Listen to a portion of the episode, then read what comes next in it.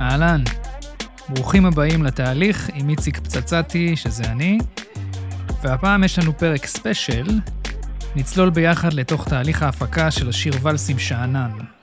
זה השיר שסוגר את האלבום החדש שהפקתי מוזיקלית לדג נחש, האלבום שנקרא דג לייף. מאז שהאלבום יצא קיבלנו על ולסים שאנן הרבה תגובות, ויש מאחוריו לא מעט סיפורים מיוחדים ומעניינים, אז אני רוצה לספר את הסיפור מהזווית שלי כמפיק מוזיקלי, מתחילת התהליך ועד הסוף. לפני שנתחיל, אני אשמח שתעצרו ותקשיבו רגע לשיר עצמו, לפחות פעם אחת. אני אמתין. הקשבתם? יאללה, בואו נתחיל. אז קודם כל צריך לחזור ממש לנקודת ההתחלה, הרבה לפני שהשיר הזה היה קיים. לקראת סוף 2021 קיבלתי הודעה מרותם, המנהל של הדג נחש, שאמר לי שהם רוצים לעשות פרויקט חדש וחשבו עליי בתור מפיק. אני כמובן הסכמתי, וביקשתי לפני הכל לעשות שיחות אישיות עם כל אחד מחברי הלהקה בנפרד, גם כדי להכיר וגם כדי לשמוע מהם מה הם רוצים לעשות באלבום הזה. השיחות האלה היו מרתקות ולימדו אותי המון, וגם פגשתי אחלה אנשים. שמעתי מהם על שיטות העבודה שהם השתמשו בהן בעבר, על מה שבא להם לעשות בעתיד, על הרצון שלהם לשים דגש על המוזיקליות והנגינה החיה של הלהקה, וגם על כיוונים לחומרים שהם התחילו ליצור בשיתוף עם פלד, שהיה חבר בכיר בצוות הכתיבה והיצירה של כל האלבום. את שאנן סטריט הכרתי מלפני עבודה על האלבום בקטנה. הפקנו פעם ביחד שיר לאקו והוא השתתף במופע שהפקתי לפסטיבל ישראל, אבל לא הכרנו מאוד ברמה האישית. כשקבענו לדבר הייתי ליד החוף במיאמי, התיישבתי על הדשא עם דף ועט, נשענתי על עץ ועלינו לשיחת זום. הוא סיפר לי על עצמו, על איך שהוא תופס את הדג נחש, וסיפר לי גם על כמה רעיונות לשירים, כמו שיר חדש על ירושלים, שהפך באלבום לשיר עיר האלוהים. בין לבין הוא סיפר לי סיפור, סיפור שלא עזב אותי מאז למשך הרבה מאוד זמן. הסיפור הזה היה משוגע, מפתיע, מרגש, וכמעט מופרך, למרות שהוא אמיתי לגמרי. היו לו בעיניי משמעויות מאוד עמוקות שחייבות להפוך לשיר, אבל ייקח עוד הרבה מאוד זמן עד שהסיפור הזה יהפוך לוואלסים שאנן. העבודה על האלבום דאג לייף נעשתה בסבבים. הדגים ופלד שלחו סקיצות בקבוצת הוואטסאפ שלנו. אני הקשבתי, נתתי פידבקים וכיוונים משלי בזמן שהייתי בניו יורק ובעוד מקומות שאספר עליהם עוד מעט, וניסינו לגבש את החומרים. בסוף כל נגלה כזאת הגעתי לארץ לשבוע של עבודה, של חזרות והקלטות, שבסופן חזרתי עם החומרים שהקלטנו לחו"ל ועבדתי עליהם משם. היו שלושה סבבים כאלה סך הכל. אחרי שני סבבים כבר הקלטנו כמה וכמה שירים, אבל לא את פלסים שאנן, כי הוא עוד לא היה קיים, לא טקסטואלית ולא מוזיקלית. במשך עשרת החודשים הראשונים של העבודה על האלבום, כל כמה שבועות הזכרתי לשאנן בעדינות את הרעיון של שיר על הסיפור של השירות שלו בעזה, ועידת מדריד והמפגש שלו עם הרמטכ"ל. אבל הרעיון עוד לא הבשיל אצלו לשיר. הצעתי לו כל מיני דברים, כמו לכתוב את זה כיומן או כרצף אירועים, אפילו לא כשיר, ואמרתי לו שאני מדמיין את זה כמונולוג אחד ארוך שבו הוא מספר את הסיפור בלי פזמון, הכי רפ זה אולי לא שיר שיהיה להיט, או אפילו יתנגן ברדיו או בהופעות, אבל זה סיפור שחשוב לספר. זה היה במקום כזה של האם יש פה סיפור שראוי לשיר במשך הרבה זמן יחסית, ואני חושב בדיעבד שזה לא באמת היה ספק לגבי זכאותו של הסיפור הזה להפוך לשיר, אלא יותר קושי שלי לכתוב אותו. לא משהו שחשבתי עליו עד שאני לא רואה את התגובות. אבל הקושי שלי היה טכני, פרקטי. איך אני עכשיו מביא את השיר הזה, עושה מהדבר הזה שיר, איך אני מתמודד עם החבילה הזאת, אבל בקטע יצירתי, לא בקטע, לא, לא, לא היה לי איזה processing או איזה שטות כזאת. כל כמה זמן ניסיתי לשתול את הרעיון יותר עמוק בראש של שאנן, ואפילו זרקתי לשאר חברי הלהקה את החלום שלי שזה יהפוך לשיר, בתקווה שהם יפעילו עוד לחץ פיזי מתון מצידם. אנחנו מכירים את הסיפור הזה משאנן בשנים האחרונות. זה חבר הלהקה, שלומי אלון. חלקנו הפציר בו לשבת ולכתוב את, ה... את הסיפור הזה לכדי שיר. אבל עכשיו רגע ניקח פנייה הצידה בסיפור.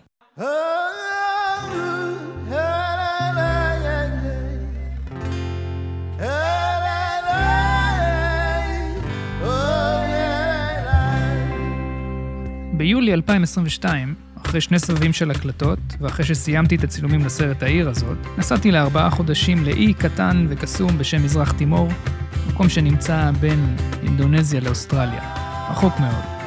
הצטרפתי לאשתי האהובה שהוזמנה לעבוד שם, ועבדתי מהדירה שלנו על הפסקול של העיר הזאת, ועל האלבום של הדג נחש, שבין לבין אני זוכה לראות גם דגים אמיתיים דרך משקפי שחייה ושנורקל. נחש לא ראיתי, אבל ראיתי מלפפון ים, שזה דומה לנחש, אבל יש לו הרבה הרבה פחות פאסון. יכולתי לספר לכם עוד הרבה על מזרח תימור, אבל בואו רגע נחזור לענייני המוזיקה, כן? התפקיד של מפיק מוזיקלי הוא לא הדבר הכי ברור בעולם. יש לו הרבה צורות. אני בגדול מגדיר אותו כלעשות מה שצריך כדי שהמוזיקה תצא בצורה הכי טובה שאפשר, בנסיבות הקיימות. זה לאו דווקא אומר לעשות ביט או עיבוד מוזיקלי, זה לפעמים לדעת להקשיב ולתת פרספקטיבה. עם הדג נחש, התפקיד הזה כלל הרבה דברים.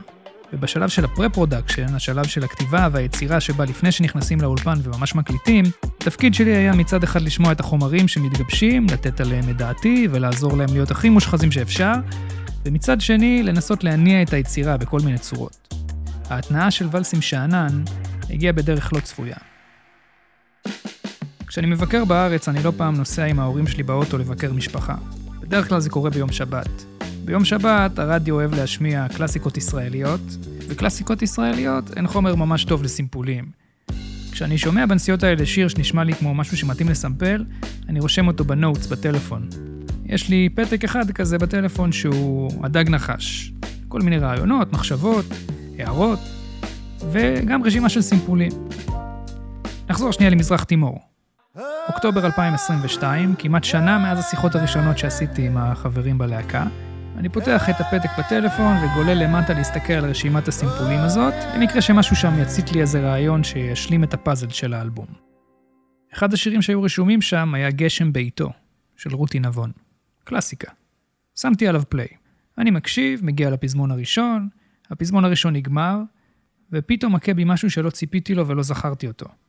כשהפזמון נגמר, מגיע קטע מעבר קצרצר, שבו רותי ממשיכה לאלתר על הזנב של המילה אהבה, תן לנו זמן לאהבה, בזמן שהליווי של הכלים פתאום מקבל טוויסט מינורי יותר ביחס לתקווה שהייתה בפזמון. הנה זה בא. מה שעוד תפס לי את האוזן זה המקצב של התופים. המתופף עובר לנגן פתאום מקצב אחר, שנשמע בדיוק כמו מקצבים של היפ-הופ ניו יורקי מה nineties. אתם עכשיו שומעים את הביצוע של אטרף משה אסרף, המתופף של הדג נחש. וביחד עם התפקידים של הבאס והפסנתר, למשך תיבה אחת, זה נשמע כמו ביט של ה Wu-Tang Clan. אם אתם לא מכירים את הווטנג, שימו את האלבום הראשון שלהם ותבינו על מה אני מדבר. לא האמנתי למה שאני שומע. גזרתי את התיבה הקטנה הזאת ועשיתי ממנה לופ שחוזר על עצמו שוב ושוב. שבע פעמים, אקורד אחד שלא משתנה עם האלתור של רותי נבון עליו, עד שבפעם השמינית מגיעה התיבה שמשלימה את התיבה הזאת בשיר המקורי. ואז הלופ חוזר שוב להתחלה. תוך זמן קצר מאוד הביט הזה היה מוכן. שלחתי אותו לקבוצת הוואטסאפ עם הלהקה וכתבתי, אני מקווה שאתם אוהבים ביטים ארדקור על הבוקר. ווואלה, החבר'ה אהבו. אז כתבתי שאני מדמיין על הביט הזה או מלא ראפרים דופקים ראפ, או סיפור של שאנן על עזה. ואז ההתכתבות עברה לדבר על חומרים אחרים בכלל, ועברו כמה ימים. אחרי הכמה ימים האלה כתבתי לשאנן בפרטי שאני עדיין מפנטז על הסיפור שלו על עזה. והוספתי שאני מדמיין את השיר בתור בית אחד ארוך רצוף, בלי פזמון, על הביט ששלחתי לפני כמה ימים. להפתעתי, שאנן ענה שהביט מעולה ושהוא התחיל לכתוב עליו את הסיפור ממש בקטנה. הוא אמר שהוא עוד קצת נתקע עם העובדות וצריך לעשות תחקיר עם מי ששירת איתו. דיברתי עם uh, חבר אחד שהוא uh, היה איתי בגרעין ואני עד עכשיו בקשר איתו דווקא רציף, הוא אישר לי שהיה יום כזה, ואחר כך גם בא במקרה עוד מישהו ששירת איתי בפלוגה להופעה של הדג נחש, ושהוא בא להגיד שלום, לפני ההופעה או אחרי ההופעה, אז אמרתי לו, דרך אגב, אתה זוכר שהיה כזה מין דבר? ואז הוא אמר לי כן, הוא אמר לי גם את מה שהוא זכר, ואז הבנתי שאם שניים אומרים, זה חייב להיות. נכון. שבוע וחצי אחר כך, רוב השיר כבר היה כתוב. כל מי שהיה קרבי בניינדיז יכול בקלות לספר כמה חר הוא אכל ואז לי יש גם סיפור אחר אחר אבל גם מאוד דומה כמובן כי גם אם אני אכלתי ים בשית בדיוק כמו כולם את מה שאתם שומעים שאנן הקליט בטלפון ושלח לי. זה היה מדהים בעיניי. שאנן אמר שהוא ימשיך לעבוד על זה. בשלב הזה אני כבר מתחיל לדמיין את הקונספט. נתחיל רק עם הסימפול, הכי מינימליסטי שאפשר. כששאנן עובר לספר על ועידת מדריד ומה שקרה בעקבותיה, הלהקה תחליף את הסימפול ותנגן אותו אחד לאחד, אבל בסאונד של 2023. המוזיקה תלך ותגבר עד הפאנצ' ליין של הסיפור, ואז הלהקה תצא לג'ם, שלא רק יסיים את השיר, אלא גם יסיים את האלבום.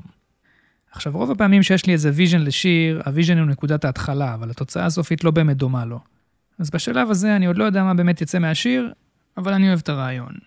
פלד הקליט גם סקיצה, והרגשנו שיש פה פוטנציאל. פחד ותיעוב, בכל סמטה, למוד אלימות, אכול שנאה, כמה שיט אכלנו בכפית, שתינו בקשית, מערבים על הקווים, באיזה קור, או oh, שיט. נובמבר 2022. אני ואשתי אומרים בלב כבד שלום למזרח תימור אהובתנו, וגם לחברים שפגשנו שם, כמו הלהקה קלאמר ואגו למוס, שהוא השלמה ארצי של תימור, שאותם אתם עכשיו שומעים ברקע. אנחנו חוזרים לניו יורק. קצת אחר כך אני בדרך לארץ לסבב ההקלטות האחרון עם הדג נחש. אחד השירים שנקליט הוא השיר הזה על עזה. אני מגיע לארץ עם סוג של וירוס בבטן אחרי שאכלתי משהו חשוד ולא מספיק מבושל בעצירה שלנו בסינגפור בדרך לניו יורק. הלהקה, פלד ואני נכנסים לחדר חזרות לעבוד על השירים שאנחנו הולכים להקליט בסבב הזה. אבל אנחנו לא מנגנים את ולס עם שאנן. בהחלטה מודעת השארנו אותו לרגע של ההקלטה באולפן. החזרות נגמרות, אנחנו מוכנים להקלטות באולפני העוגן. אחרי כמה ימים שהקלטנו כמה וכמה שירים, אנחנו מחליטים שהיום אנחנו מקליטים את הלהקה על הביט של רותי נבון. עוד לא היה לשיר הזה שם, אז נתנו לסשן הזה את השם גשם בעיתו, למרות שכולנו פשוט קראנו לזה עזה. עוד נדבר על השם של השיר בהמשך. חברי הלהקה התמקמו באולפן על הכלים. בחדר הגדול אטרף משה אסרף על התופים, יאיה כהן אהרונוב על הבאס, וגיא סטריאר על הגיטרה החשמלית. מופרד מהם בדלת זכוכית, דודוש קלמס על פסנתר כנף, ושלומי אלון בחדר קטן עם חלון שמסתכל אליהם עם סינתסייזר וחליל צד. בחדר הבקרה היה גיא מר על סמפלר שניגן כל מיני צלילים שונים ומשונים, וביחד איתו אני והטכנאים. השלב הראשון היה ללמוד לנגן את הסימפול ולשחזר אותו במדויק רק בסאונד של להקה בשנת 2023. הלהקה ניגנה כולם ביחד, בזמן שהם שומעים את הסימפול באוזניות כדי להיות הכי נאמנים לתחושה שלו. הנה דודוש, הוא ניגן על הפסנתר. ניגענו שבע דקות, אה, ביקשת מאיתנו ללמוד את הלופ אחד לאחד. אה, ניגענו את זה איזה חמש דקות, שלוש דקות, לא זוכר כמה, את הלופ אחד לאחד בלי לזוז, ובאיזשהו שלב אה, התחלת לנצח עלינו ככה בטוקבק, להגיד לכל אחד להתחיל לזוז קצת מהלופ. ובעצם השיר הזה הוקלט טייק אחד, ג'ם אחד, שגם אותו אתה ערכת. עם vision מאוד מיוחד, שחצי שיר יהיה ה loop שמבוסס על אה, אה, רותי נבון, והחצי השני הלהקה הנכנסת, זה מאוד חזק. אנחנו לרוב מג'מג'מים, סוף של שירים מאוד מאוד קשה לנו לסיים. זה שלומי.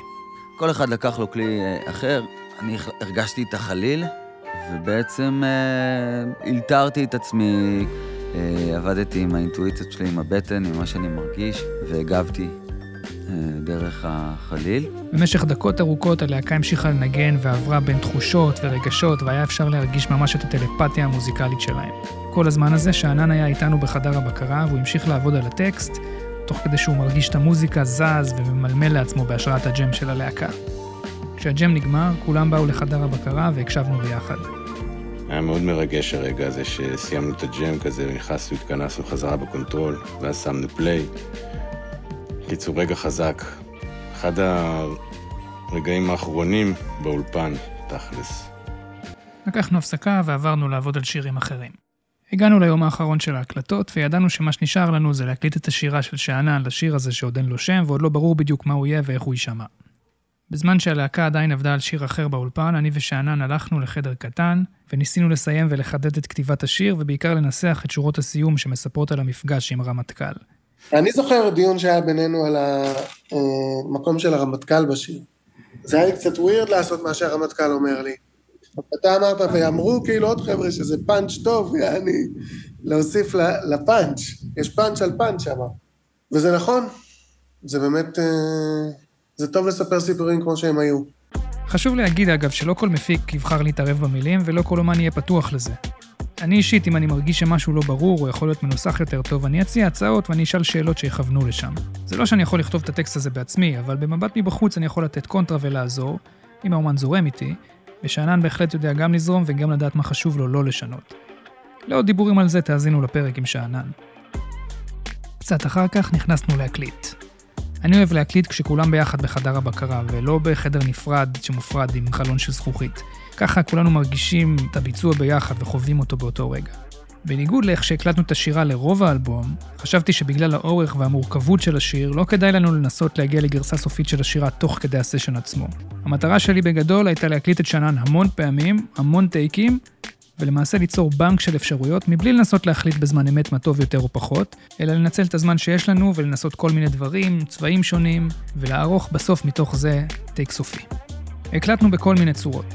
בהתחלה כל פעם ארבע שורות, תוך כדי שאנחנו מפענחים איך להושיב אותן על הקצב, לפעמים מתקנים טקסט, ואז עוברים לארבע שורות הבאות.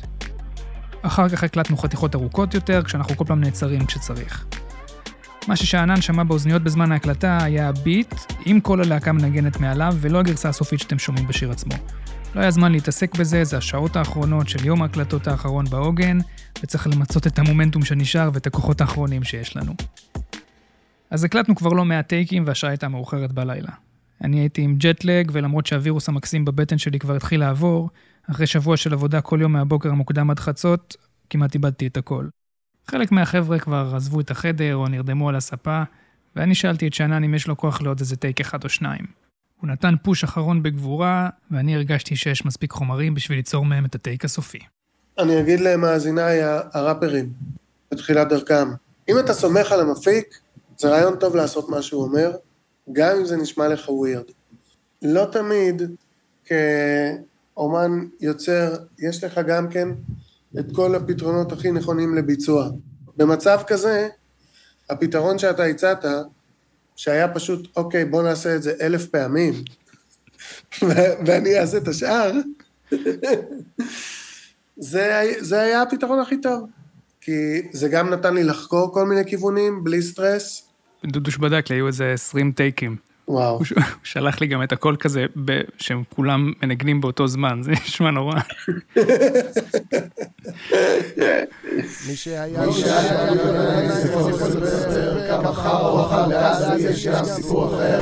אז למעשה, כשסיימנו להקליט, לאף אחד בלהקה לא היה ממש מושג איך השיר הזה הולך להישמע, ואם זה הולך לעבוד בכלל. הרמנו כוסית לחיים, בירכנו את כולם על העבודה הטובה בשבוע האינטנסיבי שעברנו, והלכנו לישון.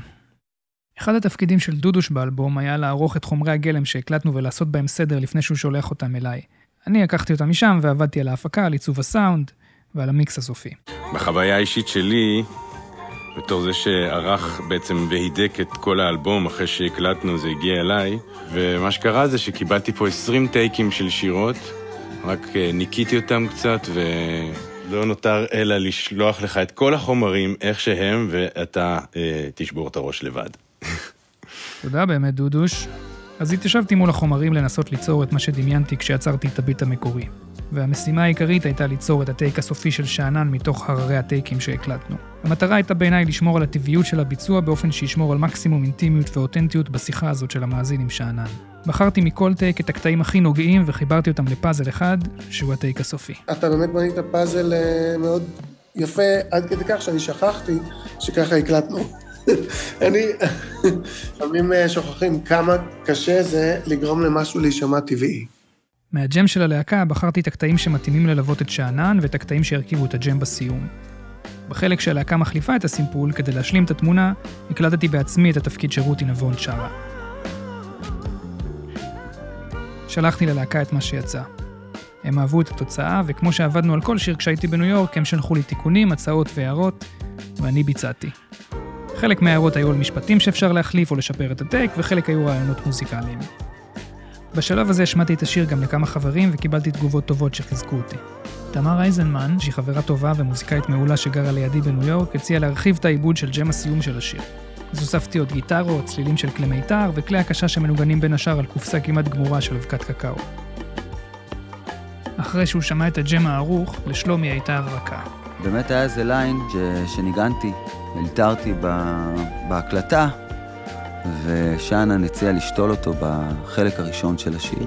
אז שמעתי את ה line הזה ואמרתי, אמרתי לך, לפצצתי. אולי, אה, אולי נשים אותו בסוף השיר ככה ב repeat, ניתן לו לחזור, ואתה תקליט עליו איזה מקהלה, ואז גם אני הקלטתי מקהלה, שלחתי לפצצתי את הערוצים. כל המקהלה הזאת בעצם מורכבת רק מהקולות שלי ושל שלומי. בשבילי זה מעולמות של, של ג'ון קולטרן ומייקל קיוונוקה, ההשראות שלי. ברגע שזה היה, זה עשה לי כזאת פתיחה בלב, קצת שקט בלב אחרי כל המועקה והקושי שאנחנו חווים לאורך השיר, קצת כמו איזה סרט או הצגה. זה האתנחתא, האתנחתא הרוחנית, הרגשית שלנו בתוך השיר. וככה האלתור הרגעי של שלומי הפך למוטיב מוזיקלי ממש חשוב בשיר. אחרי עוד כמה סבבים של תיקונים והערות, השיר היה מוכן. הסכמנו שהוא יהיה השיר האחרון באלבום, ונשאר להחליט מה השם שלו. עד עכשיו קראנו לו עזה, אבל היה ברור שזה לא הולך להיות השם של השיר. אני רציתי לקרוא לזה מדריד, ואז רציתי לקרוא לזה עזה מדריד עזה, ואז היה דיבור לקרוא לזה במספר האישי שלי. אני חושב שדודוש הציע את זה, אני כבר לא זוכר. ואני אהבתי את הרעיון הזה מאוד. היה גם באמצע שזה היה 1 בנובמבר 91. גם היה, נכון, או רק המספרים, 1, 11, 91. ואז פלד חתך, תקשיב, זה הרמטכ"ל נתן לזה שם, אין מה לעשות. רק אחרי שהשיר יצא, גיליתי על מה מדבר השיר המקורי, גשם בעיתו. מסתבר שהוא שיר של אהובה על חייל שנמצא בשדה הקרב. לא פלא שהקול של רותי התכתב ככה עם הסיפור של שאנן החייל. גשם בעיתו, אגב, יצא שנתיים אחרי ששאנן נולד. הקטע שבסימפול נשמע כמו ביט מה-90's, שזו תקופה שבה הוא היה חייל. הביט הזה שבנוי על אקורד אחד וכמעט אינסופי, מייצר תחושה של מעגל שלא נגמר ולא נפתר. אחרי שהלופ הזה חוזר שבע פעמים, יש פתאום שינוי באקורדים, מין שבריש של תקווה, ואז הוא מיד נגמר וחוזר ללופ. צעד קדימה, שניים אחורה. ואלס עם שאנן.